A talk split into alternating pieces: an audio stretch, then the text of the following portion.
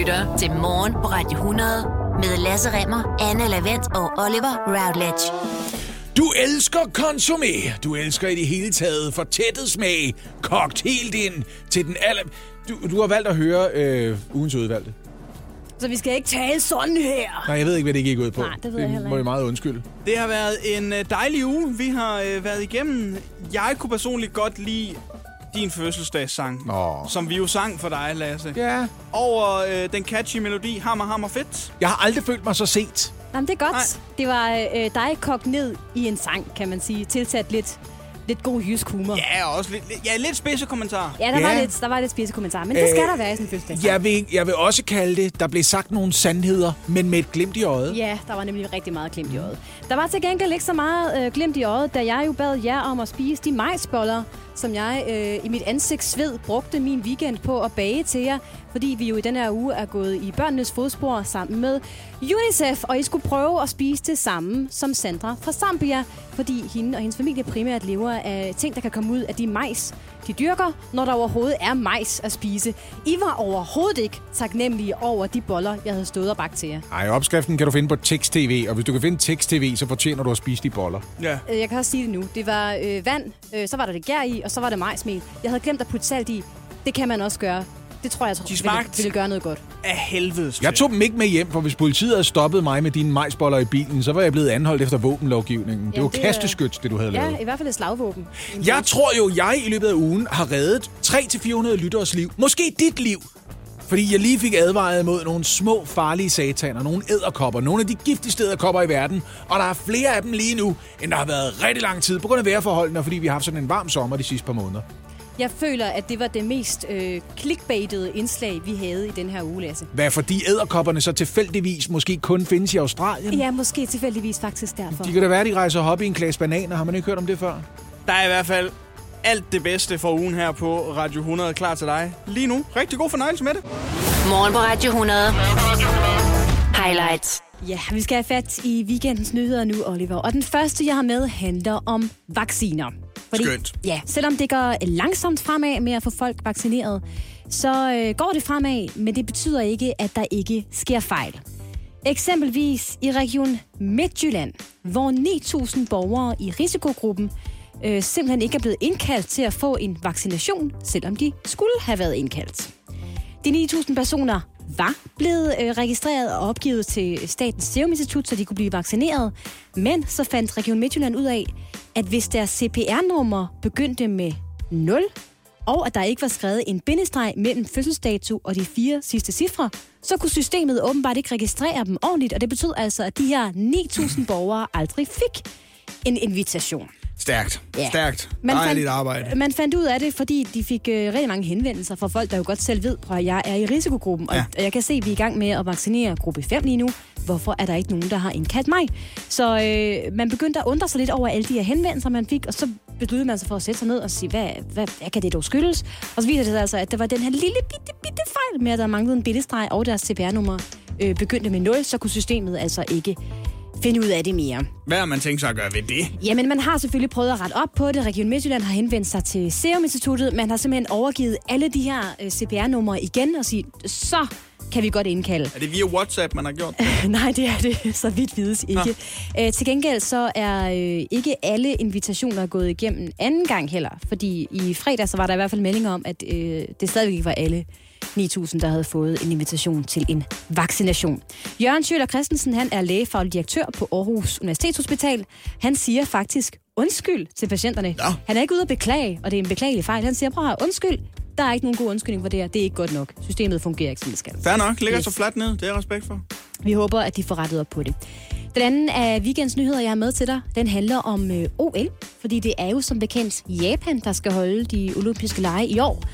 Og de har nu en gang for alle slået fast, at OL 2020 bliver afholdt uden udenlandske tilskuere. What? Yes. Er det fordi, at øh, det hedder OL 2021 nu?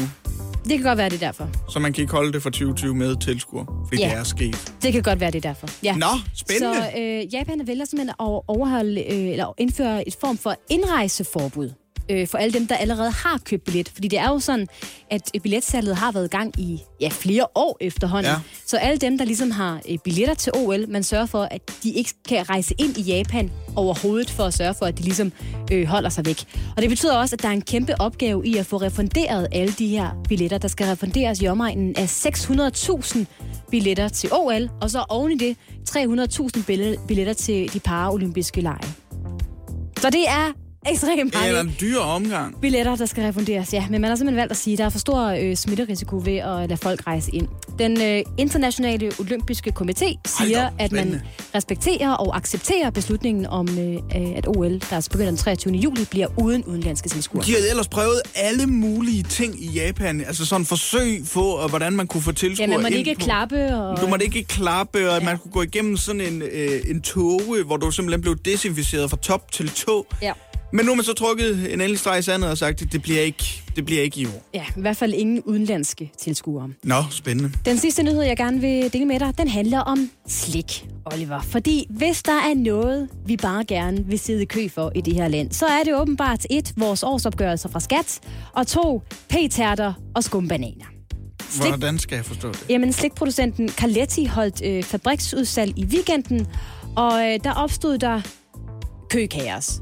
Flere kilometers køkaos. Ja. Fabrikken ligger i Skødstrup, lidt nord for Aarhus, og øh, i lørdags fik øh, Østjyllands politi simpelthen utallige henvendelser fra folk, der var ude at køre i det område, og ikke kunne komme hverken frem og tilbage, fordi der simpelthen var øh, flere kilometer lange køer for at komme ind til den her slikfabrik og øh, fylde bagagerummet med øh, p-tærter og øh, britsblanding og skumbananer, og hvad har vi ellers? Men det har vi jo set før, det her. Kan du huske under første lockdown, da det ligesom kom frem, at når man nu lukker det hele, hvor Gorms, de lavede os, og sagde, at man kunne komme ud og hente gratis, var det pizza topping eller Var et det noget med noget skinkeborg? Eller Ja, men det, og, og, det var, og det var jo ikke så langt herfra, hvor vi står nu, men der var kilometer lang kø for at komme ud og hente noget gratis fra Gorms lager et eller andet sted.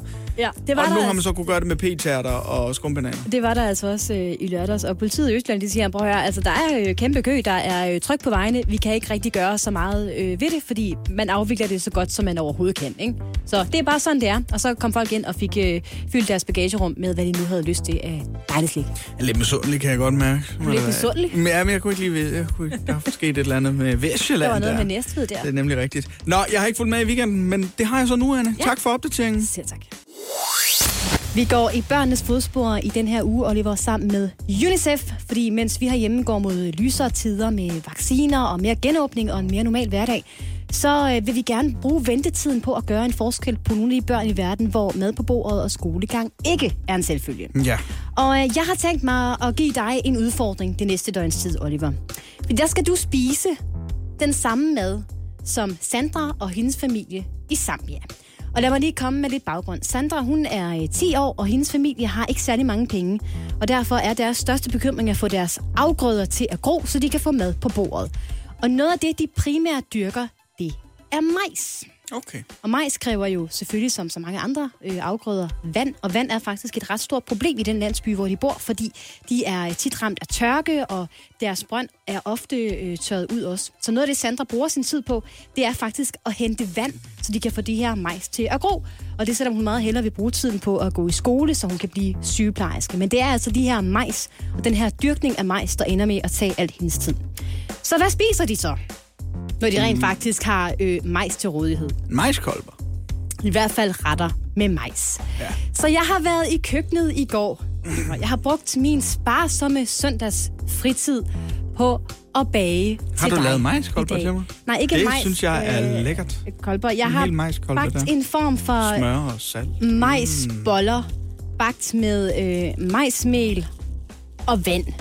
Øh, jeg har Kun en, majsmel og vand. Jeg har en idé om, men jeg tænkte, det skulle være realistisk. Nu så går I børnenes fodspor. Jeg bager jo og også Sandra nogle og gange hendes med familie har jo, ikke særlig, har jo ikke særlig meget til rådighed. Jeg bager også med majsmel og vand. Der kommer jeg så salt i nogle gange, for så kan man lave øh... nogle hjemmelavede tortillas. Ja, og, øh, og jeg tænker selv, det, det kunne også sagtens være en ting, jeg var, der var kommet i her, men jeg glemte simpelthen.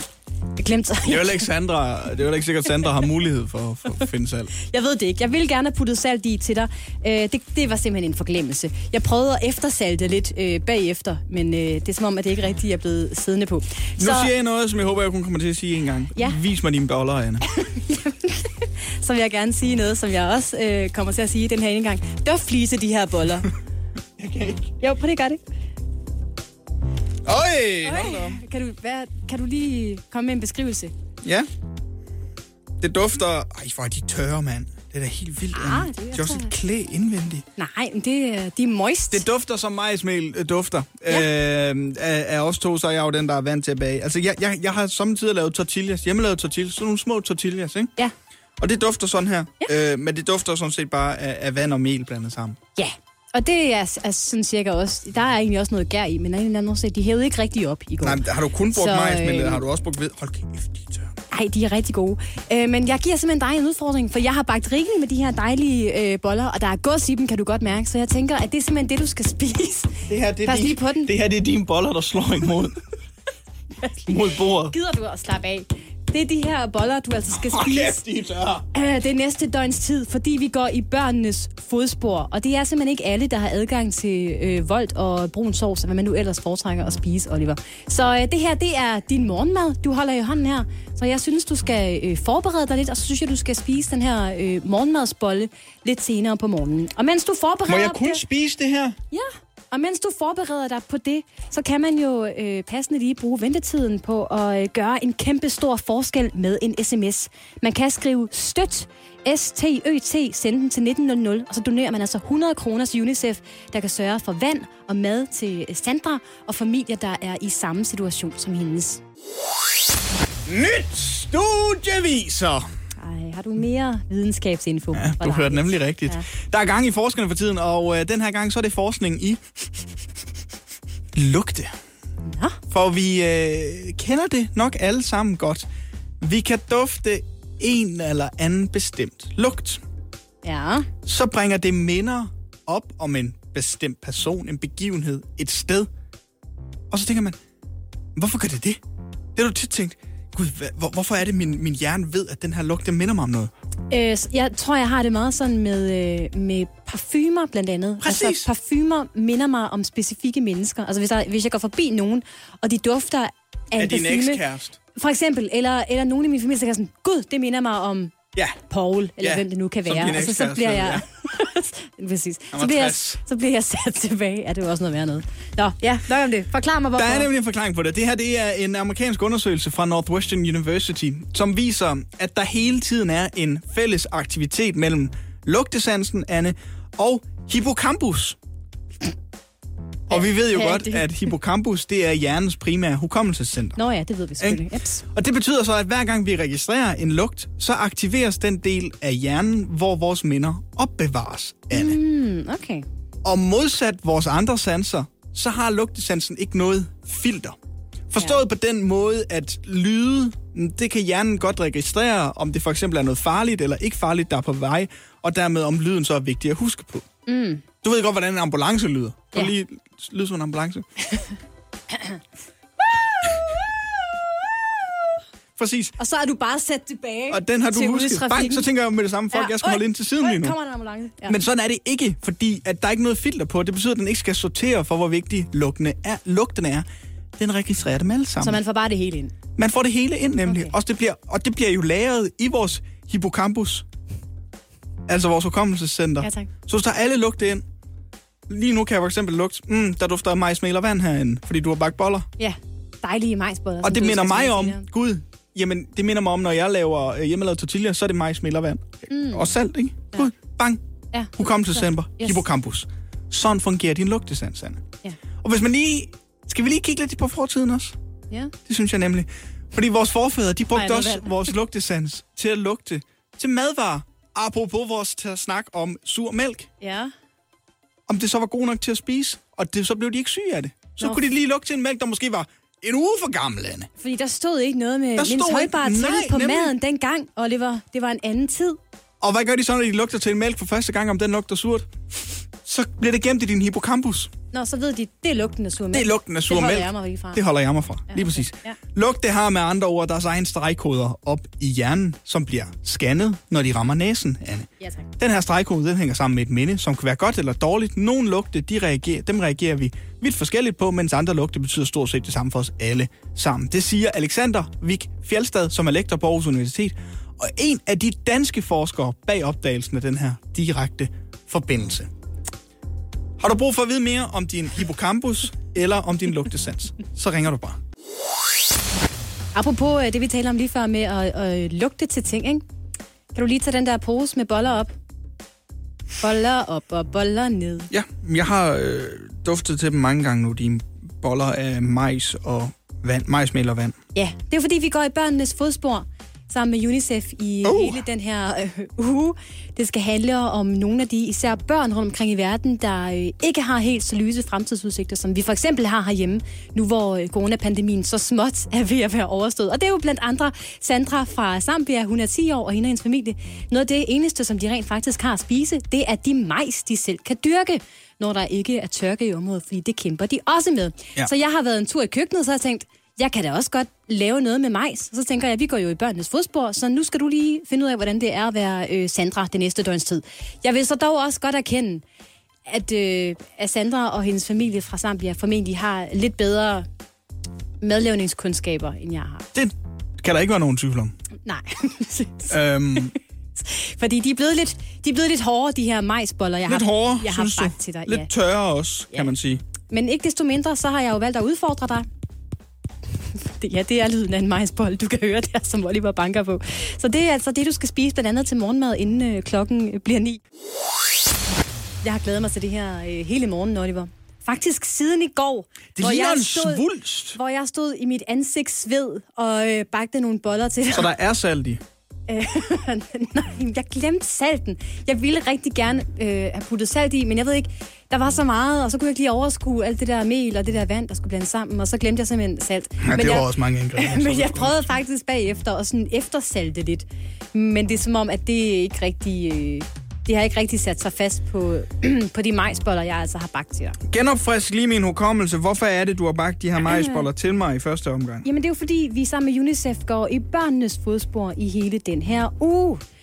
Det vil sige, at vi øh, prøver at sætte os ind i, hvordan børn i andre lande lever og har det. Og der er jo øh, nogle af de børn, der ikke har så mange muligheder for at få mad på bordet, som vi har herhjemme. Og en af dem, det er Sandra. Hun er 10 år, hun bor i Zambia sammen med sin familie. Og noget af det, som de primært lever af, det er de majs, som de kan dyrke på deres marker, når der vel at mærke ikke er tørke. Så øh, de lever altså rigtig meget af majs, og det der nu kan komme ud af majs, så tænker jeg, sådan skal du også prøve at leve i et døgns tid, i det mindste. I et døgn? Ja, det, jeg har bagt masser. Jeg har en pose mere. Fordi nu skal du rigtig forsynes med boller, og så tænker jeg, så kan du spise en til frokost, og så kan du spise en til eftermiddagskaffen, og nogle I til aften. døgn, Anne! Jamen prøv, det er børnenes fodspor, det her, Oliver. Det er en udfordring. Jeg udfordrer dig til det. Jeg er jo øh, det, som øh, mange piger vil kalde en bolle aficionado. Øh, jeg kan godt lide mine boller. Hvad er det for noget, Oliver? Jeg kan godt finde på at stå i kø i øh, 20 minutter ude foran et eller andet bageri i København, for at få en omgang med bolle. Ja. Og den her er en Og- og bolle, der er værd at stå i kø for. Og du ved, hvordan at boller, når de er gode og bagt rigtigt, med Mm. måske surdej endda også, eller også bare generelt, så skal de gerne lyde lidt hult, når man sådan lige banker på dem Ja, det er rigtigt. nedenunder. Ja. Skal jeg lige prøve? Det er da så fint. Det er da helt hult. Den er stenhård, Anne. Ja, den er lidt hård. Der er, men der er god crunchy, og så er den til gengæld meget, øh, meget moist. Nej. Inde, inde i selve bollen. Prøv her, du har ikke fået morgenmad. Det er måske derfor, du er lidt sur. Så, øh, så nu, nu. nu, spiser du, nu spiser du den, den her majsbolle, som du altså øh, kommer til at spise en del af det kommende døgn. Den smager ikke godt, Anne. Jo. Nej. Kan du lige beskrive smagen for os? Ja, mel og vand. Nej, er der ikke... Øh, Og så smager den lidt af majsmel, som majsmel smager. Men, og det er jo meget passende, fordi der er majsmel i jo. Så det kan man Ja. sige, det smager jo, som det gør. Hvor mange af de her boller skal jeg fortære i dag? Jamen, det må du selv om. Men jeg har bagt 15. Nej, det kommer så ikke til at ske. Så men jeg tænkte, du skal ikke, altså, du skal i hvert fald ikke sulte i det mindste. Så jeg har, jeg har bagt rigeligt til dig, men du bestemmer selv, hvor mange af dem du gerne vil spise. Hjælp en, du holder af med at tage det første skridt til bedre hørelse. Få et gratis og uforpligtende hørebesøg af Audionovas mobile hørecenter. Så klarer vi det hele ved første besøg, tryk dig nemt i eget hjem. Bestil et gratis hørebesøg på audionova.dk eller ring 70 60 66 66. Det her er morgen på Radio 100. highlights. Nej, men det går helt af helvede til med, hvor glade vi er i Danmark. Eller så går det godt for andre lande. Fordi det plejer at være sådan, at vi holdt af at fortælle folk og hinanden, øh, vi er simpelthen verdens lykkeligste folk. Vi er så lykkelige Vi er så i Danmark. tilfredse. Vi har det så dejligt her i Danmark. Er livet ikke bare skønt? Hver gang vi toppede listen, så ringer man til en ekspert og siger, hvordan kan det være, at vi er så glade? Og eksperten sagde, det kan også godt være, at vi ikke er så glade faktisk. Det kan godt være, at vi er bare tilfredse, og vi har lave forventninger. Ja. Og det, og det, det, vi er gode til, det er, vi har vendt os til at bo i et land, hvor der, når det er mørke, så er natten 17 timer lang. Og så ender man med også være et menneske, der siger, det er også bare rart en gang mellem at få en is. Og vi er også et land, der elsker øh, antidepressiv medicin jo. Så det kan også være, at det højner humøret. Det kunne godt være en del af det, men det er altså gået helt af pommeren til øh, i løbet af de senere år. Først overhalede et af de andre nordiske lande os. Nu er der to af dem, der ligger foran os. Vi er verdens Nej. tredje lykkeligste land. Ved I hvad, det er det med amerikanske tilstande. Ej. Det er altid det, man er bange for, ikke? Jo. Når der er nogen, der siger, at vi er begyndt at skride på en eller anden liste, så siger man, vi ender som USA. Ja, Er det New det værste. Zealand? Jeg føler altid, det er New Zealand, der Ej, sådan er ej, glade. jeg, jeg tror, og- det er Finland. Og nu sagde jeg lige, det var nordiske lande. Så Nå, de er begge to nordiske lande. Men mindre du tænker, Nå, det er okay. Nordøen Er i det så New Zealand. der er- Australien, eller øh, Malaysia? Eller? Nej, nej, nej, nej, det er Island og Finland. To steder, hvor det er endnu mørkere end i Danmark, når det er vinter. Hvordan kan det lade sig gøre? det var Norge De er bare så glade. Jeg tænkte også, det var Norge, fordi de har så mange penge deroppe. Ja. Men det er ikke pengene, åbenbart. Men det siger vi selv. Øh, har I nogensinde været på Island? Nej, Nej, jeg gad virkelig godt. det gad jeg også godt. Især gad når jeg deres også godt. vulkan er gået i udbrud. Det ser Men- så fedt ud. Prøv at høre, det er jo lige præcis det. Jeg, jeg ved ikke, øh, hvor mange mennesker, der sidder i andre lande og siger, at vi skulle tage og prøve at komme til Danmark på et tidspunkt. Det kan da godt være, at der er nogen af dem. Men selv om man ikke har været på Island, tænker man ved sig selv, det gad jeg godt på et tidspunkt. Og jeg kan egentlig godt se, hvor det kommer fra. Hvordan kan det være, at islændinge er blevet gladere, end vi er? Det er sikkert ting, de hele tiden har haft, de først er begyndt at værdsætte nu. Hvad skal man besøge, når man er på Island? Hvad skal man besøge? Nu siger du vulkan. Hvad er Den blå toeren? lagoon. Præcis! Ja. Varme kilder, mand. Der skvulper man rundt. Ved I hvad, det er jo ikke bare fedt, fordi det er velgørende at sidde i sådan en naturlig varm kilde. Det er jo også sådan en fælles badeoplevelse, hvor man ikke behøver at rende rundt og tænke, er nogen, der er tisset? Det er Det behøver du ikke, Det er fordi der er hele tiden varmt. Ja, Ja, det er vinterbadning. Det er vinterbadning for folk, der ikke kan lide vinterbadning. Ja. Genialt. Ja, lige præcis, ikke? Ved I, hvad de også har? Gejser. Freaking gej. Du kan bare købe til en gejser. Er det de der, der springer op af jorden? Ja, ja, hvor, ja, hvor lige pludselig så er der bare, så sprutter det op øh, fra undergrunden. Med ikke? kogt vand. Og ved I hvad, jeg har hørt? Jeg har hørt, at man kan få dem til at nyse. Altså til at gå i udbrud, hvis du hælder sulfo i dem. Det kan de slet ikke tåle, så de siger... Hvad laver du? Lige der. Det er jo fantastisk med et naturfænomen. Du kan starte med et rengøringsprodukt, ikke? Det er dejligt. Plus, så Prøv spis, tænk, hvis du kunne starte havlvejr med noget glasrens, for eksempel, ikke? altså, de spiser også seje ting i Island. Altså, vi har stegt flæsk og så videre, ikke? Mm. I Island, de spiser fermenteret haj. Ja. What? Ja, Er det en ting? ja. Nå. Og så er de ikke bange for udsving, vel? Da de kørte hele den der sindssyge finanskrise, hvor sådan noget otte familier, der både halvt sad i regeringen og halvt ejede alle bankerne, de var gået i gang med at købe Magasin du Nord på Kongens Nytorv og resten af København. Det var før Blackstone kom til at begynde Mhm. at opkøbe ting i stedet for. Men de havde lige en tur der, hvor man tænkte, hvor fanden får de alle pengene fra? Det viser sig, de havde dem ikke. Det var mere sådan noget, de havde aftalt. Det var sådan lidt, nej, det kan jeg godt købe. Kan jeg ikke godt købe det? Det kan jeg godt købe på et tidspunkt. Og ved I hvad? Det er de ikke engang bekymrede over. Nu kører alting godt for dem igen. Nå, det Er det ikke vildt? Men det er også dem, der har det der øh, Ja, ja. Ja, ja. råb, ikke? Jo. Til, øh, til fodboldkampe. Er det ikke dem? Var det Jo, ikke dem, der blev jo, jo, jo, jo. mega verdensberømte for det der? Jo, jo, jo, jo, jo. EM 2016. Det var det, det var. Ja. Hvilket jeg jo også bare synes var en måde at sige til Sydafrika, fuck den der vuvuzela. Ja, ja. Hvad er det var det for en på måde at vise sin begejstring på? Se, hvad vi kan. Men Og endelig, Reykjavik, borgmesteren, komiker, Nej. kæmpe fan Med- af den med slags mand med karriereskift. Det kan jeg godt med kæmpe K, ja. Mm. Og er det, der skal til. Det kan, han kan det hele. Ja. Kan få Det folk til at... det er Men hvad med dig? øh, Finland, den har jeg lidt svært ved at gennemskue, fordi jeg kan ikke rigtig finde ud af, hvad Finland er. Finland er sådan et sted, der prøver at tage julemanden fra Grønland og sige, nej, det er herover han bor. det ikke- Fordi de har nogle rensdyr. er Ikke? det ikke meget noget med saunaer?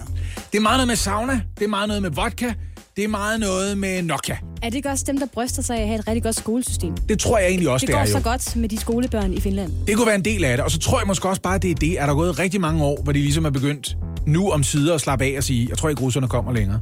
Ja. Jeg tror, vi kan være Det er afslappet nu. Jeg tror, at vi skal regne med, at Litauen falder, før vi gør. Ja. At de er tilbage i Baltikum, før de væder ind i Finland. Ikke? Ja. Men jeg vil også sige, en af de ting, der kan gøre en glad, det er bare at kigge på Nokia. Og jeg ved godt, måske kører det ikke fantastisk for Nokia længere. De er ikke nogen Samsung, de er ikke nogen Apple, de er ikke nogen Huawei. Det er jeg godt med på, ikke? Men vi skal også lige huske på, hvad startede Nokia som? Gummistøvlefabrik. Og det er så noget af et erhvervseventyr, som ligesom siger, vi går direkte for... Ja, Nå. ja Nokia er oprindeligt gummistøvleproducenter, indtil de fandt ud af, at vi er nok bedre til mobiltelefoner faktisk. Det er noget af et spring. Er vi ikke enige om det? Ja, det må vi da være enige om, ikke? Det er som hvis lavkagehuset lige pludselig sagde, kom og køb en traktor. Vi er skide gode til at lave dem, ikke? Jamen, det kan ske når som helst. Så jeg forstår, det er hele pointen. Jeg forstår godt, at vi er på en tredje plads, og vi er nødt til at op os på nogle af de her punkter. Vær glad. Sådan der. Nå, det skal handle om øh, sport nu. Det er så Oliver. Åh, oh, oh, vent! Jeg er ikke klar til sport. Jeg, det jeg er ikke klar. Jeg var klar til sport. Du kan da ikke bare overraske mig på den måde, når jeg har siddet og Jeg har forberedt mig. Jeg sagde det der for fem minutter Det kan siden, jeg ikke huske, du har snakket om. Du sagde, det skulle handle om fodbold, og jeg er ikke sikker på, at det er det samme. Kom så, Oliver. Nu er alle vendt. Har overtaget alt snak om sport. Og Oliver, jeg lytter. Sport! Sport, sport, sport! Sport, sport, sport! Sport, sport! Vent lige lidt endnu, Anne, fordi du skal lave! Sport, sport, sport! Sport, sport, sport! Det er da lidt... Sport, sport, sport! Ej, det er også irriterende, når de synkoperer. Ja, den var ikke Det er helt. irriterende. Den var der ikke helt. Nå, der er heldigvis rigtig mange øh, børn, der er glade for at dyrke sport i deres fritid. Sport, sport. Men der er også mange børn, der åbenbart dropper det der med at gå til fodbold. Nå. Ah, Det kan DBU i hvert fald øh, mærke. De har de seneste seks år mistet 12.000 børnemedlemmer rundt omkring i klubberne. Altså, den skal jeg bare lige have igen. Altså, det er børn, der ikke længere går til sport. Det er ikke børn, der er forsvundet, Nej. mens de har været til fodbold, vel? Og det ville Hvor være en større af? nyhed, synes jeg faktisk. Ja, nej, det er simpelthen børn, der har holdt op med at spille fodbold. Så har øh, DBU Jylland nu søsat et lidt specielt pilotprojekt for at teste, om det måske er konkurrencen mellem børnene, der fylder lidt for meget, og måske får nogle af dem til at øh, stille fodboldstøtterne på hylden. Ja. Og det her projekt øh, fra DBU Jylland, det hedder Lige meget spilletid, hvilket er en passende overskrift for det, det er. Det går nemlig ud på, at øh, børnene i DBU's jyske klubber i alderen fra 8 til 12 år simpelthen skal have lige meget spilletid i kampene. Og sådan skal det være. Hele vejen gennem fodboldsystemet, helt op til landsholdet. Ja, det er bare en klasse idé. Lige meget tid til alle. Det, jamen, det handler nemlig om, at uanset hvor god eller dårlig man er, så skal man altså have lige meget tid på banen.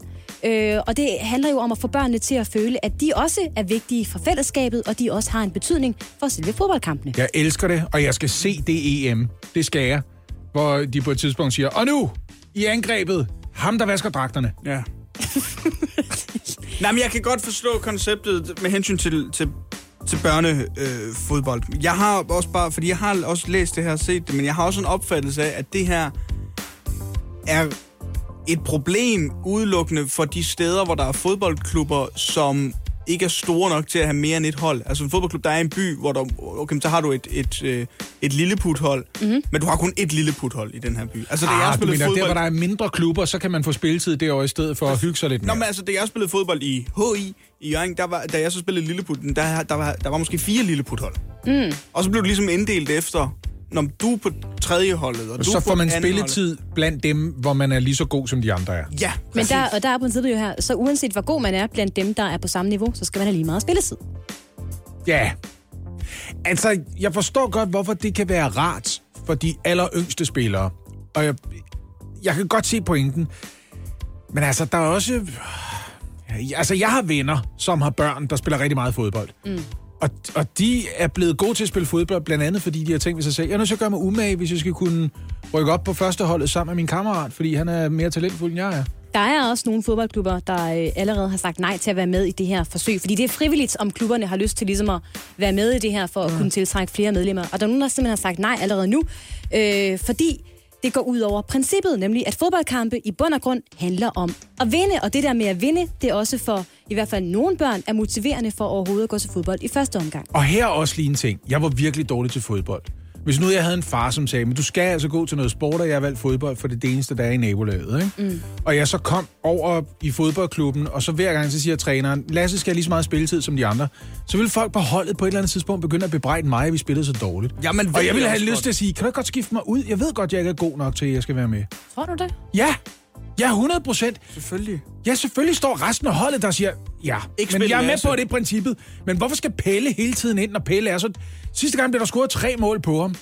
Altså, Ja, det kan godt være. Men det, og det er jo også det der med, at det er måske også at gøre lidt for meget ud af noget, som jo i bund og grund er en konkurrence. Fordi det er fodbold. Fodbold er sport, og man konkurrerer jo i sport. Og så konkurrerer man selvfølgelig også med sine holdkammerater om, hvem der er bedst. Jeg sværger, det her det kommer til at ende med i mindst nogle situationer, så må der være nogle børn, som begynder at fake en skade, bare så de kan blive skiftet ud, så de ikke bliver, ja, om ikke drillet, så bare ignoreret lidt bagefter, fordi der er nogen, der er skuffet og har den der vindermentalitet, som siger, vi har vundet, hvis det ikke var fordi fucking, du skulle, men ja, jeg ved godt, at det skal du, men mm. vi har bare vundet, hvis det ikke havde været for dig. Men hvad, Jeg forstår godt, øh, som sagt, jeg synes også, det, det er en, på papiret en overordnet set rigtig fin idé. Og jeg tror, at de klubber, der takker nej til det, er de klubber, hvor det netop er muligt for dem at stille med mere end et hold i ja. de forskellige rækker. Jeg kan godt se, hvis du er, er fodboldtræner i Eggerslev Magle, et eller andet sted, du er, der er et fodboldhold på hvert niveau, så giver det mening, fordi at alle skal spille, øh, og konkurrencen om pladserne måske ikke er den største i forvejen. Men hvis der er fire hold i forvejen, og du er inddelt efter niveau, så takker man nej tak til det. Det er noget af en dåse regnord, du åbnede med det her. jeg det kan startede godt, bare med, at jeg vi råbte sport. Jeg kan godt, det, gjorde, og det gjorde det nemlig. Men det, var, det er et forsøg, der kører i et halvt år nu i nogle af DBU's jyske klubber. Vi følger lige op med, hvordan det går. Mine damer og herrer, tager rigtig godt imod. Jeres vært. Den altid pålidelige Oliver Routledge. Ja, jeg tror jeg engang har set ham på en bodega i Lykstør. Det kan godt være. Stillingen den er 5-3 til Anne Levent i Hvad er det værd quizzen, og dermed så er det altså en f- springfarlig udgave af quizzen i dag, fordi skal Anne stikke af med det hele, Ja, det skal hun. eller kommer du mund tilbage i kampen? Nej, det gør han ikke. Kommer tilbage i kampen. Kan I huske, hvordan det var i fritidsklubben, når der var en, der var ekstra god til fodbold, og gerne ville have de andre til at spille med? Hvad sagde han så? Så sagde han, jeg gør mig dårlig. Jeg Ja. lover, jeg gør mig dårlig. Ja. Det er det, jeg har valgt at gøre. Et udtryk, jeg stadigvæk Du bruger. gør dig dårlig? Ja. Dagens Nå. produkt, det er unikt. Nej, det er det simpelthen Nej, ikke. det må du ikke sige. Jo, jo. Det er unikt. Og øh, du, kære lytter, kan som altid øh, gætte med på prisen op ind på Radio 100.dk på Instagram. Kom med dit bud. Det bud, som er tættest på den rigtige pris i løbet af marts måned på de fire produkter, der har været. De vinder en Radio 100-krop. Anna Lasse, hvad tænker I om produktet? Vil du lige se mig provokere Anne endnu mere? Produktet er sådan temmelig unikt. Nej, det er det simpelthen ikke. Og temmelig. Tæmmerlig. Men det er super, super mærkeligt til Ja, det er gengæld. meget underligt, jeg, det her. Jeg kigger på det nu, og jeg har brugt meget tid på at, øh, at stige på det de seneste 30 sekunder. Og øh, jeg har stadigvæk ikke helt fundet ud af, hvad det er, og hvad det skal bruges til. Jeg har brug for noget mere info, tror jeg. Er det pynt? Eller er det, skal eller det er stå det i en til, have et sted? eller er det vagt? Er det sådan, at man skræmmer med en indbrudstyve væk med det, eller hvad bruger man det til? I vil gerne vide Har noget det mere? stået i et sommerland, hvor man kan blive fotograferet med det? Ja, det vil jeg også gerne spørge om. Det er Mikkel i Give, som sælger det her produkt, og om det, der skriver han, Gude smuk panderskulptur sælges. Der er brugt over 90.000 sten til kunstværket. Ren liebhaver. Det er kunst. Perfekt til slottet, butikken, lejligheden, rækkehuset, villaen, herregården. Ja, selv orangeriet eller udestuen. Billederne kan slet ikke sammenlignes med, når man ser den med egne øjne. Nej, nej, nej. Der skal du, øh, er der skal du møde op på hans adresse, for Mikkel, at vide, han hvad det er du køber. sælger. Det skriver de også altid på Tinder. Dimensioner er 30 gange 50 gange 86 cm. Den kan leveres gratis overalt i Danmark, og den vil pynte i et hvert hjem. Det siger noget om prisen, Anne. Det er altså en mand, der gerne vil af med dig. den her. Men jeg arbejder lige sammen med dig, når nogen tilbyder gratis fragt, allerede før vi har nævnt prisen, så ved vi jo godt fra nethandel, så, er vi, øh, så skal der lægges en del i kurven, ikke? Men det er også en, der meget gerne vil af med den her, tænker jeg. Jeg leverer overalt helt gratis. Og fik han ikke lige nævnt alle steder med et tag, som stedet er Jo. perfekt til? Jo, Ikke, præcis. ikke sommerhuset, men, men Det er der ikke, men alt Perfekt andet. til domkirker, ministerier. butikken, alle steder kommer den til at pynte. Spørgsmålet er bare, hvad Mikkel han vil have fundet det her kunstværk af en øh, panter, som der altså er blevet brugt over 90.000 sten til Ja. at lave. Anne Lavend, du ligger jo i forhånd. Nu gør jeg lige noget, som jeg brændte nallerne på sidst. Gjorde jeg ikke det, det tror Lægger jeg du dig fast på et bud? nok. Nej, jeg lægger mig fast på, hvor jeg lægger mig i forhold til dig. Jeg ligger over dig. Okay. Ja, Nå, okay. Eller det kommer an på, hvad du siger. ja, det vil jeg også sige. Uh, jeg synes, den er svær, den her. Altså, jeg kan godt se, når man... Det ene billede er sådan lidt zoomet ind. Jeg kan godt se, den er jo... Altså, jeg tænker, det har taget lang tid at lave det. Med de her små sten, der udgør mm. selve øh, Ja, øh, ja, panderen, ikke? Der er nogle gange bruger folk meget lang tid på noget, der ikke kan sælges. Ja, og det er jo også det, man lige skal huske på, ikke? Du kan ikke komme ind til nogen, som siger, jeg har været deprimeret i halvandet år. Det skal jeg have 20.000 for. Vi skal bruge et bud fra Hold Vest, Anne Lavendt. Og det bud, det lyder på så meget som... Jeg ved det ikke. Ja, åh, jeg er i tvivl. Okay, jeg siger... Jamen, jeg tror, han tager overpris, ham her. Ja, det tror jeg også. Tror, vi er, jeg tror, vi er godt op. Jeg siger... Øh, 25.000. Jeg tror, at han er en af dem, jeg er enig med Anne i, at nu er jeg lidt ked af, at jeg har sagt over. Fordi det tror jeg faktisk ikke. Men han er Jo, en af de mennesker, som simpelthen fejlvurderer, hvor mange kræfter, der skal lægges i at lave det der. Ja. Øhm, Budet for Hold Vest er 25.000. Du har tidligere sagt, du vil lægge over Lasse Remmer. jamen, du er nødt til at sige... Laver du en Anne Lavend Ender nu? på? Nej, jeg laver det ikke om. 25.001, men jeg tror faktisk, det er under. Ej, hvor er Ej, jeg tror, det er det? under. Jeg tror, det koster sådan noget 8-10.000. Har du tænkt dig at komme med et bud, der er 25.000? noget. Og 1 krone. Det er En så fæsent. Ja, det er sat med godt nok fedt spilleri. Men det er i Det er det da ikke, når jeg tror, det er under. Jeg var ikke klar over, at du ville sige 25.000. Det er jo sindssygt. Det er I know. Men hvorfor ligger du der? Nå. Fordi jeg havde sagt det, og jeg er man of my word. Altså, hvor lang, hvor lang tid er du om at gå ud og hente en kop kaffe, Lasse? Jeg knirker lige uh, mikrofonen ned. Ja, Sådan. Øh, et af Danmarks mest professionelle studier, vi sidder i. Og Det her, det er Og med en af de pro- mest professionelle radioværter også. Ja, ja, det, jamen, prøv at høre, det ene skal passe til det andet. Jeg var bare sådan lidt øh, nervøs på forhånd, fordi jeg var godt klar over... Jeg havde lyst til at sige over 10.000, ikke? Så ender du med at sige 25, og jeg havde lavet låsen på, at jeg kommer til at sige over. Og så får jeg ovenikøbet at vide, at jeg fedt spiller, fordi jeg siger 25.000. Det er også fedt spil. Kan vi Det er få jinglen igen? Mine damer og herrer, tag nogle gange mod. Så har vi meget Det er en panter. Den er gudesmuk. I har øh, skulle forsøge at gætte prisen på en øh, gudesmuk panderskulptur, som øh, Mikkel i Give sælger, og øh, der er brugt over 90.000 sten til det her kunstværk. Den er perfekt til slottet, butikken, lejligheden, rækkehuset, villaen, herregården, ja selv orangeriet eller udstuen. Han siger også, at det er en liebhavervare, men det behøver han jo ikke at sige. Altså, man kan jo godt kigge på den panter og selv regne ud. Den køber du kun, hvis du kan lide den. Ja. Og det er jo det, liebhaver betyder. Han skrev også, at han kommer til at levere den overalt i landet helt gratis. Det er nemlig rigtigt, og han skriver også, at det vil pynte i et hvert hjem. Budet fra Hold Vest, Anne Levent, det var mm-hmm. 25.000 danske kroner. Ja. For en gang skyld et helt rent, clean bud for Anne Levent. Hun Ja, siger ikke 25.382 382. Nej. Nej. Budet fra Hold Grønland var 25.000 og 1 kroner. Og jeg vil ønske, at jeg havde budt under. For jeg synes, det lyder for meget. spiller. 25.000. Den gude, smukke panderskulptur, hvor der er blevet brugt over 90.000 sten, er sat til salg for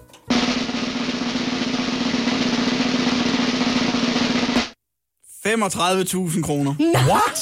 Hej! No! 900, Har nej, du- 9.999 Du er kroner for en krone tættere på! Var du, Lasse? Lasse Ja, ja. fedt spiller. Og du var 10.000 kroner for prisen. Jeg vil lige hilse at sige, jeg ved ikke, om hun har snydt, men jeg spurgte vores praktikant Maria, mens vi lige spillede Mark Cohen, hvad hun tror, den er værd. Og hun sagde... Kan du huske, hvad hun sagde, Anne? 35.000. Det er korrekt. Ja, og efter du havde sagt 25, sagde jeg, jeg tror faktisk, det er 8-10, men jeg lægger mig over, for jeg har lovet det. I'm a man of my word, og det er det, der fører til endnu et point. Det her er morgen på Radio 100. Highlights. Og vi skal jo lige huske på, at et lille hjørne af radiobranchen, det er de lydtrollmænd, hvor, øh, hvor de ligesom skaber en stemning, og, og, og vi er nogle stykker, ja. som, som arbejder i professionel leje, øh, som ligesom løfter oplevelsen, noget man rigtig lægger mærke til det, fordi det er det, der kendetegner sådan for eksempel den rigtig gode underlægning, eller jingle, eller bare små øjeblikke, ganske få sekunder, som for eksempel Godmorgen. Det her er Radio 100. Se, det sidder i skabet, det, det der, ikke? Lækkert, Præcis. lækkert. Det er der ikke mange mennesker, der kan. Øh, der er ikke mange mennesker, der kan det her.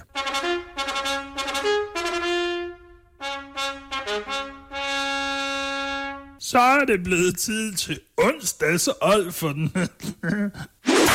Au, det gjorde nas. Kan det gøres kortere end 14 sekunder? Det tror jeg faktisk ikke, det kan. Tror jeg er den eneste måde, man kan få budskabet ud på. Og der vil jeg indrømme, der, der ligger jeg et sted, hvor jeg er hævet for eksempel over en, øh, en lydmæssig eller professionel old for det. Ja. Det er simpelthen så godt det her, at øh, altså, det undrer mig, at det ikke allerede har vundet nogle priser. Ja, det undrer øh, flere af os. Men vi skal, som din fine jingle øh, her siger, Lasse, vi skal til vores onsdagsolfert nu. Og jeg har glædet mig til at give den her uges onsdagsolfert, fordi i går, da jeg sad og læste en artikel, der kunne jeg mærke, at jeg faktisk lige fik mit blodtryk op. Jeg blev simpelthen en smule vred. Mm. Og det, jeg blev irriteret på og øh, vred på, det er Forsvarsministeriet. Så det er altså Forsvarsministeriet, der skal have min onsdagsolfert. Er det ministeren eller ministeriet? Det er ministeriet. Okay. Og det er fordi, at Fagbladet Journalisten kan fortælle, at øh, Forsvarsministeriet i to år har abonneret på det lille nichemedie, der hedder Olfi. Meget apropos onsdags Olferten. Det var jo det magasin, som gerne ville have et interview, Præcis. og så kunne de ikke få lov til at tale mere, fordi så skulle forsvarsministeren være med til interviewet. Ja, Ja. ja. ja det var Berlingske, det er rigtigt. Ja. Ja. Det er et lille medie, der er... Nej, det er et lille medie, der er drevet af en enkelt ildsjæl, der come hedder. Peter Ernst Ved Rasmussen. Og han beskæftiger sig øh, som en lille en, enmandsherre faktisk med dansk forsvars- og udenrigspolitik.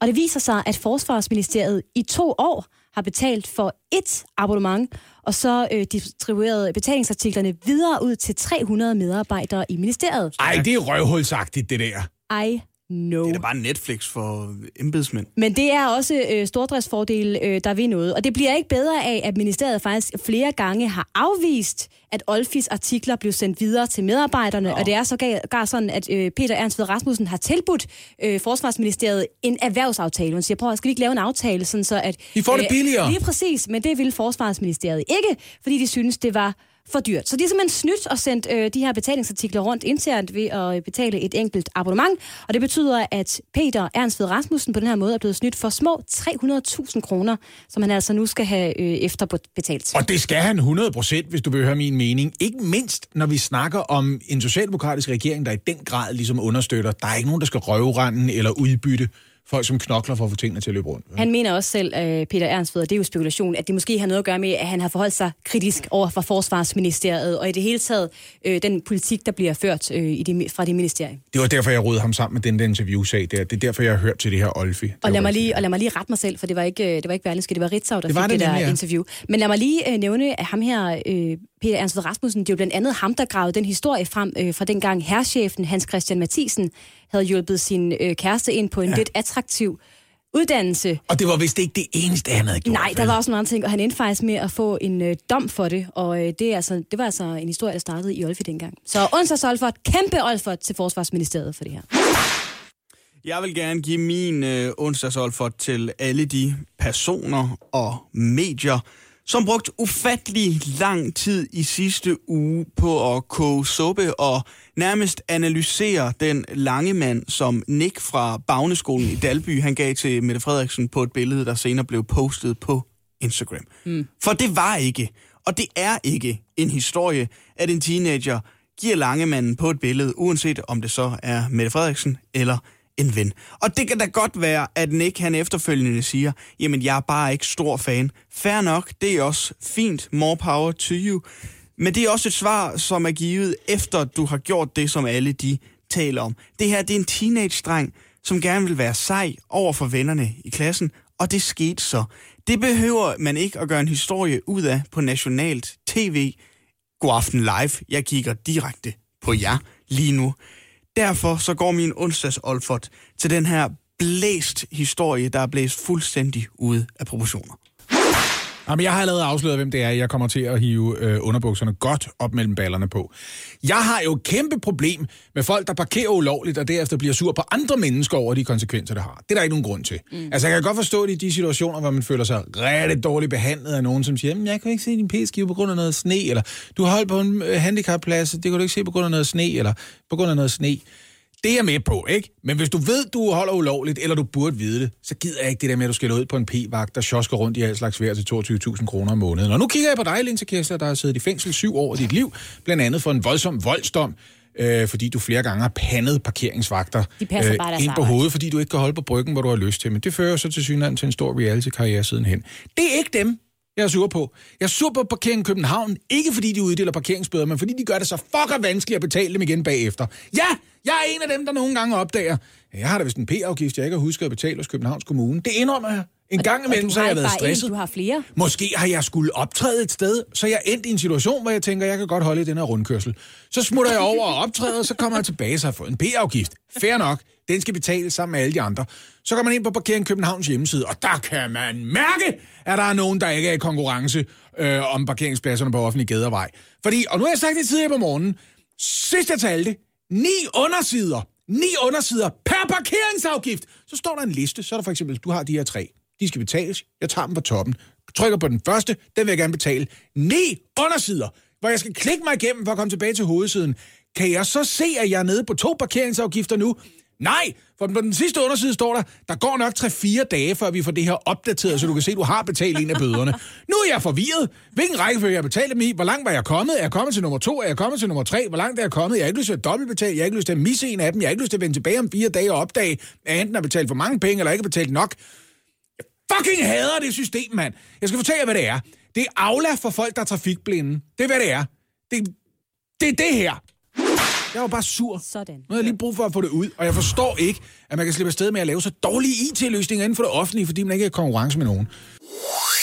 Se, vi går i børns fodspor hele den her uge. De børn, som, øh, som lever i den tredje verden, i udviklingslande, som har det rigtig hårdt, og i dag, der tager vi en tur i Kangaroos fodspor. Det er faktisk, hvad han hedder. Mm. Kangaroo, det er et vildt navn, ikke? Ja. En knæk fra Cameroon, som har haft en coronatid, som slet ikke ligner danske børns coronatid. Fordi i over et år, der er Kangaroo sådan som Altså millioner af andre børn har haft det sådan, at der ikke var nogen skolegang, og heller ikke nogen computer eller videochat. Så den undervisning, som er foregået i coronaperioden, øh, den er foregået via radio.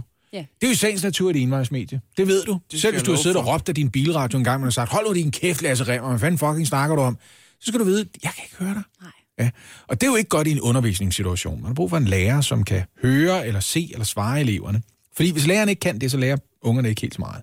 Og det tænker jeg, det skal vi simpelthen prøve. Øh, prøve at gå i øh, de her børns fodspor. Vi gør det sådan her. Anna og Oliver, I er eleverne, ikke?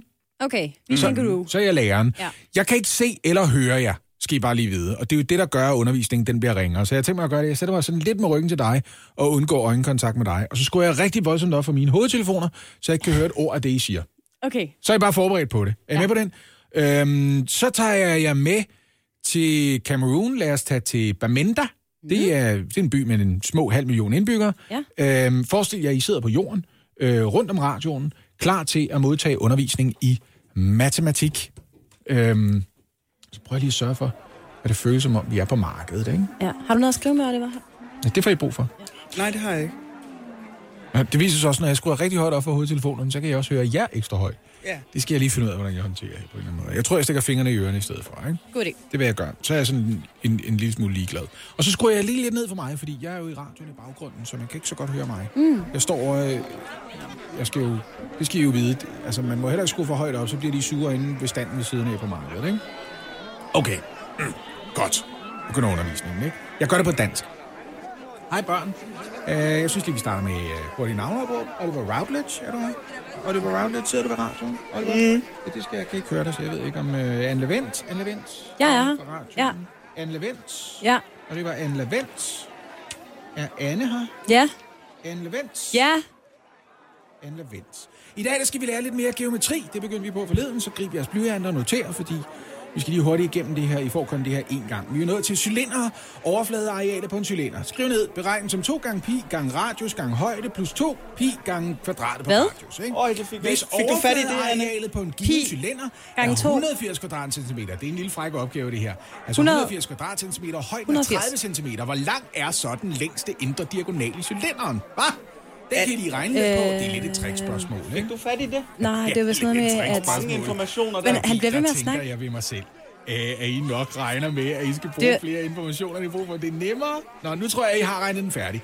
Givet overfladearealet, nu kan jeg lige forklare, hvordan man gør. Jeg tror, og højden, bare så kan I jo regne 17, Oliver. radius ud. Så har I radius, og så den længste indre diagonal, den er jo i praksis hypotenusen på en retvinklet trekant, Hypo- og den kender vi alle sammen godt. Diagonalen af kvadratroden er nu det summen er, af kvadratet på højden af kvadratet. Det er sådan, man regner hypotenusen ud, når man har de to kateter. Ikke? Så svaret er, hvis du har skrevet 30,06 cm, det håber jeg, du har, Ja. så har du måske en fremtid, og ellers så skal du regne med, øh, at du kommer til at passe geder resten af livet. Sådan er Sagde det. du ikke, vi skulle skrive Så, 17? øh, det var matematik Jo, men det, jeg fik ikke fat i det første. håber, at I det var noget med en til cylinder. Han snakker stadigvæk. Øhm, godt. Jeg retter jeres opgaver. Øh, eller det gør jeg så ikke. I må rette jeres opgaver selv. Og, øh, og der må I være stille. Hvad fik du- hvad var Der kan I sætte to streger under jeres fremtid. Noget med 30, Sådan her. tror jeg. Noget med 30. Det Jeg er havde godt, hvis I nogensinde skrevet- får et arbejde, hvor I for eksempel skal overflademale en cylinder eller sådan noget, så er det regner ved, hvor meget maling I skal bruge. Det ved snakker- jeg jo. hvad Sådan snakker der, han om så har I en fremtid også. Om maling? på den måde der. Det ved jeg ikke, om det er arbejde. Jeg kan ikke høre det længere. Jeg skal ikke være maler. Nå, det håber jeg var udbytterigt, og I blev en lille smule klogere på geometri. Så. fattede ikke en skid, Lasse Remmer. Det er en håbløs måde at gå i skole på det her. Her er det åndssvagt ved det. Alt det her, jeg sagde, altså om matematik, det var sådan noget, der ville få mig, da jeg var 9-10 år gammel, til at tænke, fuck, hvor er matematik fedt, mand. Ej, er det er så sejt. Ja, det er faktisk næsten lige så frygteligt som den her undervisningstimeforløb. Det vil jeg gerne indrømme. Nå, hvis du tænker ved dig selv, det kan simpelthen ikke være rigtigt, at det er for eksempel sådan, man skal lægge hele sin fremtid og alle sine drømme i en lille kurv, som hedder, jeg modtager undervisning over radioen. Øhm, så kan du hjælpe med at gøre forholdene en lille smule bedre sammen med UNICEF. Det synes jeg, man skal gøre, fordi der er ingen, der fortjener at få øh, skoleundervisning på den her måde. Man kan, Hov, hov, hov. Læreren kan høre dig nu. Ja. Nu kan han godt høre dig. Det er der simpelthen ikke. Man kan sende en uh, sms, hvor man skriver støt, S-T-Ø-T, afsted til uh, 1900. Så støtter man UNICEF og uh, deres arbejde med uh, 100 kroner. Man deltager samtidig også i uh, lodtrækningen om et oplevelsesgavekort på 5.000 kroner til dig selv og, og din familie. Øhm, men kangaroo i Kamerun, der altså går i skole på den her måde, det må være fuldstændig forfærdeligt. Vi skal tale om øh, det coronapas, der er på vej, og som allerede nu har vagt en del øh, opsigt og diskussion. Men jeg er faktisk mere interesseret i at tale om, hvem der skal udvikle det coronapas, der altså efter planen skal være klar som en app i maj måned. Fordi det er nemlig Netcompany, mm-hmm. der har fået ja. til opgave at udvikle den her nye app. Og det er måske ikke et navn, der siger jer så meget. Men lad mig sige det sådan, at Netcompany tidligere har fået til opgave at udvikle IT-systemer for det offentlige med blandet udfald.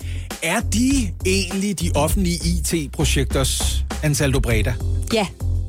Ja, Det er dem, der lavede IC4. Eller Det er det. at lave IC4, ikke? Tak for det. jeg har lavet en øh, lille liste over øh, IT-systemer, som de tidligere har udviklet.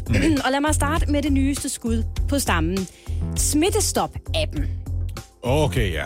Ja, og det var faktisk ikke engang en udbudsrunde, der gav øh, Netcompany opgaven om at udvikle den her smittestop-app. Det var fordi Netcompany meget fint lige rakte hånden op og sagde, hey, vi vil gerne udvise noget samfundssind, vi vil gerne lave en app, sådan så at vi ligesom kan hjælpe med smitteopsporing, sådan så det her corona hurtigt kan komme væk. Men hvis de tilbyder at lave den gratis, så kan jeg jo bedre forstå, hvorfor den blev meget dyrere, end nogen havde regnet med. Ja, og det må man sige, den gjorde. Fordi øh, til at begynde med, så kom de lige i tanke om, ej, de vil faktisk gerne have 10 millioner kroner. Det er også billigt. Det er også billigt. Men så løb det altså op. Og den her øh, app, Smittestop-app, endte altså med at koste 31,8 millioner kroner. Og det er alene for år 2020. Det vil sige, øh, de udgifter, der er løbet oveni her i 2021, er ikke blevet regnet med. Så er der også lige det, at øh, den her Smittestop-app simpelthen blev en lille smule øh, forsinket. Den skulle have været klar i april sidste år, blev først færdig i juni. Siden var der tvivl om øh, firmaets håndtering af vores privatoplysninger, og det viste sig, at både øh, Android-telefoner og lidt ældre iPhones 5S og 6, som ikke er så gamle endnu, faktisk ikke kunne bruge den her smittestop-app. Men okay, en lille fejl i forhold til udviklingen af apps, det er vel ikke øh, det, der skal koste. Nej, kom nu helt ærligt. Det var en smittestop-app. De gjorde ja, deres bedste, Det ikke? gjorde de. Jeg fortsætter på listen. Aula. Det var også Netcompany, der i sin tid fik til opgave at lave afløseren for skoleintra. Okay, nu bliver jeg sur, kan jeg mærke. Ja, Aula. Det skulle have været klar til øh, skolestart 2019. Åh, vi kan ikke nå det, vi kan ikke nå det, sagde Netcompany. Og så gik der lige øh, 10 uger ekstra, sådan, så vi nåede frem til efterårsferien i Man behøver ikke 2019. engang tage stilling til, hvor vellykket Aula er, for bare i sig selv at synes, at det er en katastrofe at lade øh, forældre over hele Danmark lide 10 uger ekstra med forældreintra. Men så kom Aula, og det viser sig, det er en pænere udgave af det helvede, der kendtes som forældreintra. Men Aula var der i det mindste ret billigt at, at købe fra Netcompany. Ja. Tænker du det? Ja. Aula blev øh, 50 millioner kroner dyrere end forventet. Altså dyrere end forventet. Dyrere end forventet. Øh, Det endte med at koste samlet set en lille halv milliard kroner for det Ej, her nu skal jeg lære at programmere. lækre, lækre IT-system. Jeg er sikker på, at der er mange forældre, ligesom dig, Lasse, der mener, at det er alle pengene værd. Åh oh, gud, det er da møderne, der laver kageordninger. Jeg tager lige den sidste ting på listen, for ja, den er længere.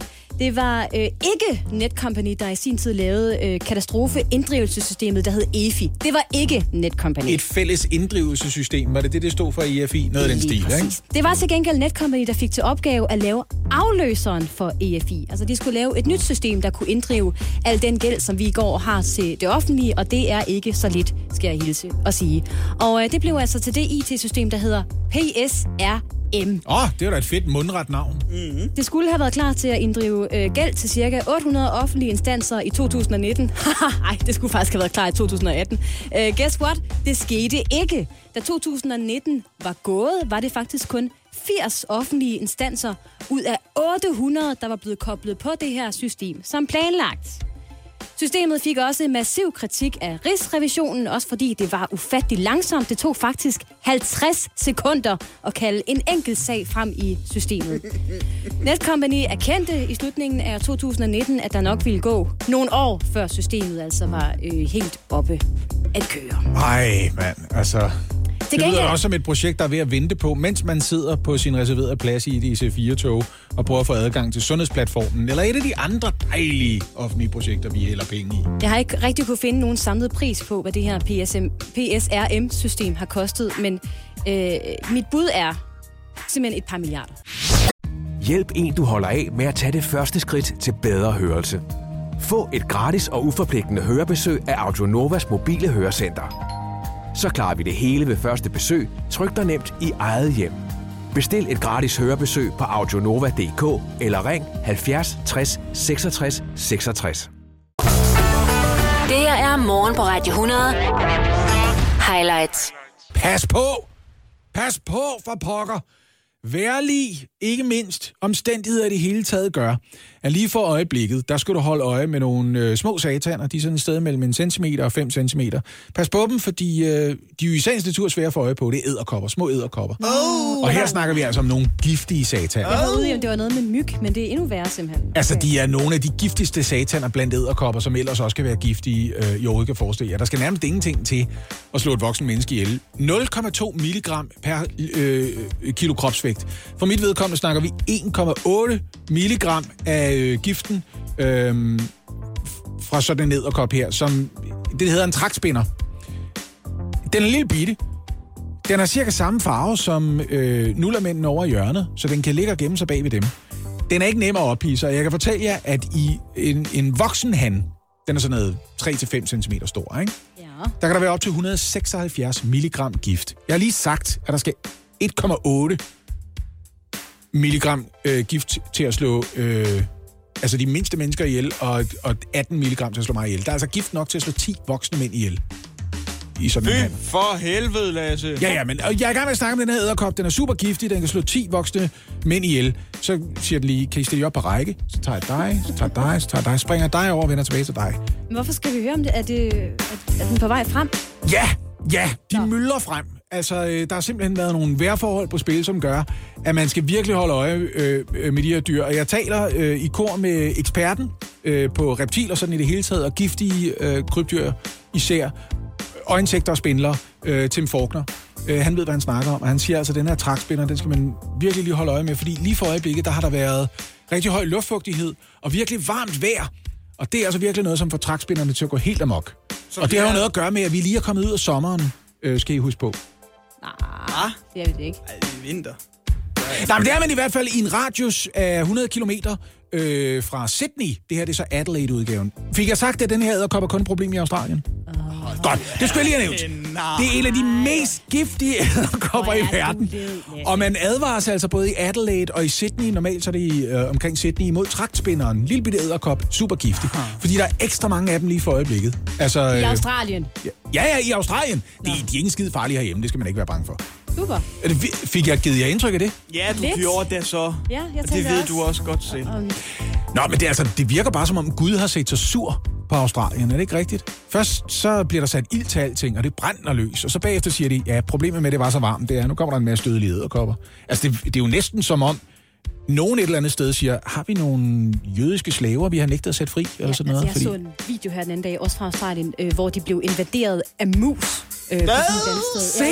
Jamen, der var så mange. Jeg tænkte, det er en af de 10 plager, der, er- der er på vej nu til Australien. Så tager du på Bondi Beach og tænker, jeg skal lige ud og svømme en tur. Ved du, hvad der er i farvandet ude fra Australien? Hajer og en anden ting. Overlovsmænd. Den giftigste gobler overhovedet i verden. Ja, mænd på overlov. Nej, nej. De er fandme giftige. Eller hvad hedder de? Overlovskaptajner, jeg kan sgu ikke huske, hvad de hedder. Det, er- det er de giftigste gobler overhovedet. Der er så Dem, der farligt et dyreliv. drikker kaffe. Fy for helvede. fanden bilder de sig ind, mand. Åh, oh, det er farligt. Ej, hvor er de Overlovs, klamme, mand. børneoverlovsmænd, der er i vandet ude fra Australien. Og de er let Der ophislige. er overlovsmænd! Ja, fordi de savner at snakke med voksne mennesker. Så hvis de først går i gang med at tale til dig, så... For... Ja, Flygt, hvis de nærmer sig.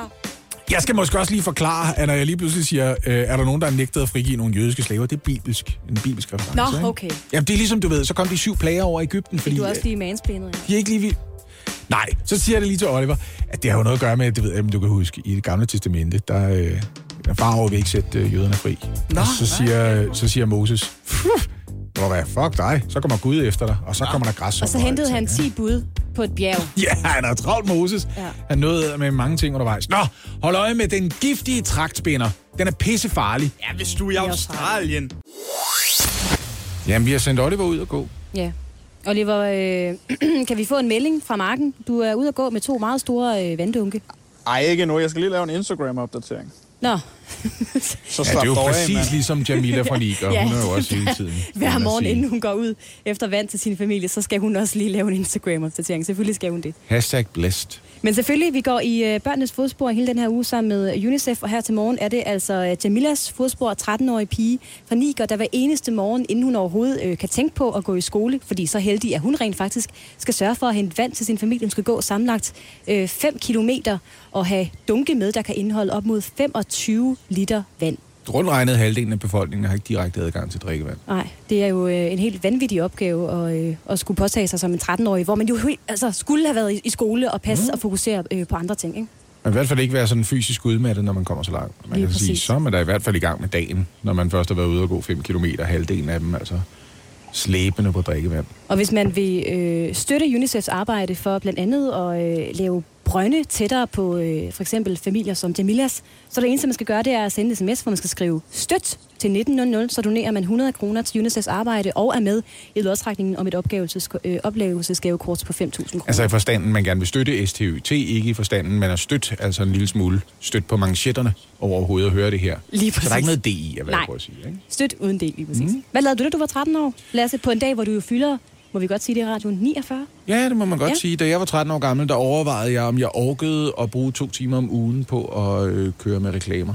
Ja, Så jeg kunne tjene nogle om du gad, fordi så kunne du købe mere cola-ish. Ja, og, og ellers så tror jeg, at jeg spillede ret mange meget primitive computerspil. Dengang føltes de ikke primitive. Der var det det vildeste, man kunne komme i nærheden af på en Commodore 64. Så ja, jeg tror, jeg hyggede mig meget godt meget af tiden. Ja. Tilbragte rigtig meget tid på biblioteket med at læse om fuldstændig åndssvage ting. Det var heller ikke som sådan udmattende. Og men jeg må indrømme, jeg skulle selv cykle derover, og jeg boede altså cirka 800 meter fra det nærmeste bibliotek. Og du havde en cykel til rådighed, Ja, trods alt. Hårdt liv, Lasse. Hvad lavede du, Anne? Øh, da jeg var 13, jeg spillede, det var en periode af mit liv, hvor jeg øh, spillede rigtig meget musical, faktisk. Jeg havde... ja, jeg har spillet musical, da jeg var øh, yngre, og øh, i 2013, der havde jeg faktisk en rolle som øh, Ronja Røverdatter på noget, der hed Forsøgsscenen i Haderslev. Så jeg har lavet den der øh, Ronja Røverdatter øh, musical med Sebastian Sange. Og, du spillede titelrollen i Sebastians Ronja Røverdatter. ja, i en opsætning i Haderslev, ikke? Øh, på, Nu skal du ikke tale det ned. Der. Nej, men det var... Øh, nej, man skal ikke tale det ned. Men Jeg siger bare, jeg havde andre ting at gå op i, end sådan noget med at tænke på, hvordan min familie skulle øh, kunne få vand til aftensmaden og til madlavningen. Men hvis der er nogen, der spørger, hvilken rolle spillede du i Ronja Røverdatter, du siger, jeg spillede Ronja Røverdatter. Ja, det det er noget andet end at sige, jeg spillede Mattis. Eller en Nå, af de der, også øh, alle dem, der gerne ville være med, som ikke rigtig øh, kunne få en rolle, de blev rumpenisserne. Oh, det var ligesom, dem kan vi ikke få for mange også af. fordi du behøver ikke lære replikkerne som rumpenisser. rumpenisser, men du skal bare sige, hvorfor gør hun det? Ja, Hvorfor gør hun det? Hvorfor det? det var folk rigtig, rigtig gode til. Men ja, det var det, jeg lavede som øh, 13-årig. Tredje røver fra venstre. ja, præcis. Det er dig. Sådan er det. Nå? Jamen altså, det har jo også været en ting, både af lyst, kunne jeg forestille mig. Det var ikke sådan, du var nødt til at stå op to timer før du skulle i skole. Og vandre ud på musicalscenen. Ligesom være nødt til at synge rent, og Ej. så gå i skole. Nej, sådan var det bestemt ikke. Jeg Hvordan? har lige et spørgsmål. Ja, Hvorfor er det altid mig, der ender med at skulle de her opgaver? fordi du er yngst. Altså, der sker også det nogle gange, Oliver, at hvis der er noget, jeg ikke har lyst til, så melder jeg dig frivilligt. Nå, Så jeg ved ikke, om du opdagede, at det var det, jeg gjorde også den her gang. Du jeg er synes, til... det var underligt, at jeg skulle lave det der spørge Charlie. Men altså, det. Hvordan er det ude på ruten, Oliver? Kan vi lige få Det en, er øh, tungt allerede. en status? Og, og er du, hvor langt har du gået? Et par hundrede meter? Jamen, jeg er ikke engang kommet op til vejen endnu. Og hold da op. Ja, så er, ja. bliver der da lang vej hjem. Jamen, det bliver en svedt dag, det her for dig, Oliver. Det kan jeg godt regne også. Jeg håber, du er hjemme inden klokken syv, fordi vi skal jo også have citatquiz i dag, øh, Oliver. Jeg bliver nødt til at erklære Lasse som vinder, hvis du ikke møder op. Ja. Du ved jo Jeg godt, når hvad, det. du ved, hvad walkover er. Det er jo dig, der er sportsinteresseret, ikke? Godmorgen. Det her er Radio 100. Jeg tror altså, der er gang i blodomløbet, og du er mere end vågen for øjeblikket, Oliver. Det lyder sådan. Ej, det er stramt, det her. Der er altså tungt. Eller det er tungt. Men jeg har lige fået en Faxe Kondi af en bil, der kørte forbi. en, der har tænkt, på den ene side har du brug for energi, på den anden side, du får lidt mere væske at bære på. Men du har jo også lige brokket dig i hvert fald øh, til os om, at øh, den ene dunk kun var fyldt op med 9 liter vand og ikke 10 liter vand. Så det kan være, det opvejer det lidt, at du nu har i hvert fald to, der vejer øh, cirka 10 kilo, ikke? Hvorfor slæber Oliver rundt på øh, to dunke med sammenlagt 20 kilo vand lige for øjeblikket? Det gør han, fordi vi hele ugen har gået i børnenes fodspor sammen med UNICEF. Altså, vi har kigget på børn rundt omkring, som lever hårde liv, Ja. fattige liv, vanskelige liv. Det her tilfælde altså Jamila fra Niger, som er et af de børn i Niger, som er nødt til at gå efter drikkevand. Halvdelen af befolkningen bor ikke i nærheden af en, af en vandkilde, der kan bruges. Så hun går 2,5 km om morgenen hen til brønden, slæber vand tilbage. Ja. Og det pussy det er, det her det er, det er en virkelig historie i 2021. Hele mit liv har jeg hørt historier om folk, der måtte gå langt til brønden. Og der er lande stadigvæk, hvor det er nødvendigt. Selvom blandt andet Danmark øh, på rigtig mange forskellige måder, UNICEF, altså har bidraget til at forsøge at skabe nogle drikkevandskilder rundt omkring. Vi har forsøgt for at få lavet nogle brønde simpelthen tættere på, hvor folk bor. Og det er jo også det, man skal tænke på, at det er altså virkeligheden for øh, børn rundt omkring i verden. Det her er stadigvæk. Det er derfor, vi går i børnenes øh, fodspor sammen med UNICEF. Og hvis man har lyst til at støtte UNICEF arbejde og gøre hverdagen i hvert fald en lille smule nemmere for øh, piger som Jamila, så er det meget, meget nemt at støtte os. Så hun for eksempel kan koncentrere sig lidt mere om at bruge sine kræfter på skolegang. Ja, præcis. Øhm, det er meget enkelt. Du skriver støt. Simpelthen til 1900. Så støtter du med 100 kroner. Ja, og du er med i lodtrækningen om et oplevelsesgavekort på 5.000 kroner. Og øh, Oliver, jeg bliver nødt til at sige det her. Hvis en 13-årig pige kan gøre det, så kan du også. Ja. Jamen, det er jo også det, jeg godt ved. Ja. Men altså, det er da stadigvæk hårdt. Det er det. Jeg ved jo Jeg godt, tror at altså, vi, vi, prø- vi prøver at se direkte på problemerne, selvom de er ubehagelige. Men der kommer også til at ske det lige nu på grund af din anstrengte vejrtrækning. Jeg sveder, og jeg har så ondt i min venstre underarm. Det er kun den, der er problemet lige nu, og så mit sved. Ja. Du, du prøver jo at gå i fodsporene på en lille pige, Oliver. Ja, En 13-årig Det pige, er- der bor i Niger, der hedder øh, Jamila, som gør det her hver morgen, inden hun så skal videre i skole bagefter. Hvordan, hvad tænker det, du jeg om ikke det? forstår, at man kan. Oliver, han slæber på øh, 20 liter drikkevand i dunke. Øh, han gik 2,5 kilometer først, allerede før øh, vi satte os til mikrofonerne her til morgen. Ja, han vandrede ud cirka klokken halv seks. Ja, og så øh, dukkede han op i studiet, hankede op i 2 gange 10 liter og gik yderligere 2,5 kilometer for at gå i Jamilas fodspor. Den tur, hun ville gå tilbage fra brønden til sit hjem med drikkevand, fordi det er omtrent en halvdel af befolkningen i et afrikansk fattigt land som Niger, som ikke har adgang til drikkevand, som er nødt til at sjoske hen for at hente det, for overhovedet at have en chance for at overleve. Ikke? Ja, Må og det jeg er lige spørge, hvor lang tid har jeg tilbage for at skulle nå det? cirka 17 minutter. Okay. Så er du her til mine nyheder. Du kan også godt, hvis du, gerne, hvis du godt kan undvære nyhederne, det har jeg svært ved at tro, du kan, så kan du måske dukke op 3 minutter over syv. Hvis du har brug for en pause, Oliver, vi er her jo indtil klokken 9. Det er jo øh, først klokken 9, du sidder her alene, ikke? Jo, det er rigtigt. Vi går altså i øh, børnenes fodspor sammen med UNICEF i den her uge. Her til morgen er det Jamila på 13 år, der hver eneste morgen tager den her tur øh, i Niger, som, øh, som Oliver gør. Og man kan støtte øh, Jamila og andre af verdens børn ved at sende en sms. Man skal skrive støt til 1900, så støtter man altså UNICEFs arbejde med 100 kroner og er med i lodtrækningen om et oplevelsesgavekort på 5.000 kroner. Ja, du kan ikke redde en 25-årig mand fra Vesterbro fra at gå en tur, men det kan godt være, at du kan hjælpe piger som Jamila til ikke at skulle bruge så mange kræfter hver eneste dag på at sørge for, at hendes familie har drikkevand. Hvordan er det vejr, som øh, Oliver vandrer rundt i derude? Ja, Oliver, det vil jeg da egentlig gerne spørge dig om først og fremmest. Kan du se en hånd foran dig, for der skulle være lidt diset rundt omkring udenfor? Jeg kan jo ikke se det, fordi jeg sidder herinde i varmen ja, på en blød stol, jo. stol. Så. Ja. Der er en, øh, hvad jeg vil kalde en sløret sol i dag her, hvor jeg går. Ja, men øh, det er nok ikke helt ved siden af, Oliver. Jævn Øh, til frisk vind. Nu er du jo ude, frisk vind. nu er du jo ude i vejret, men øh, lad mig stadigvæk lige være den, der fortæller dig, hvad det er for noget dejligt vejr, du er ude i, herinde fra det dejlige varme studie. Mens jeg, altså, åh, jeg ved næsten ikke, om jeg orker, åh, jeg løfter lige en kop kaffe. Ej, Oliver, vi har det begge to hårdt. Mm. Jeg synes, vi begge to slås med nogle third world problems lige for øjeblikket.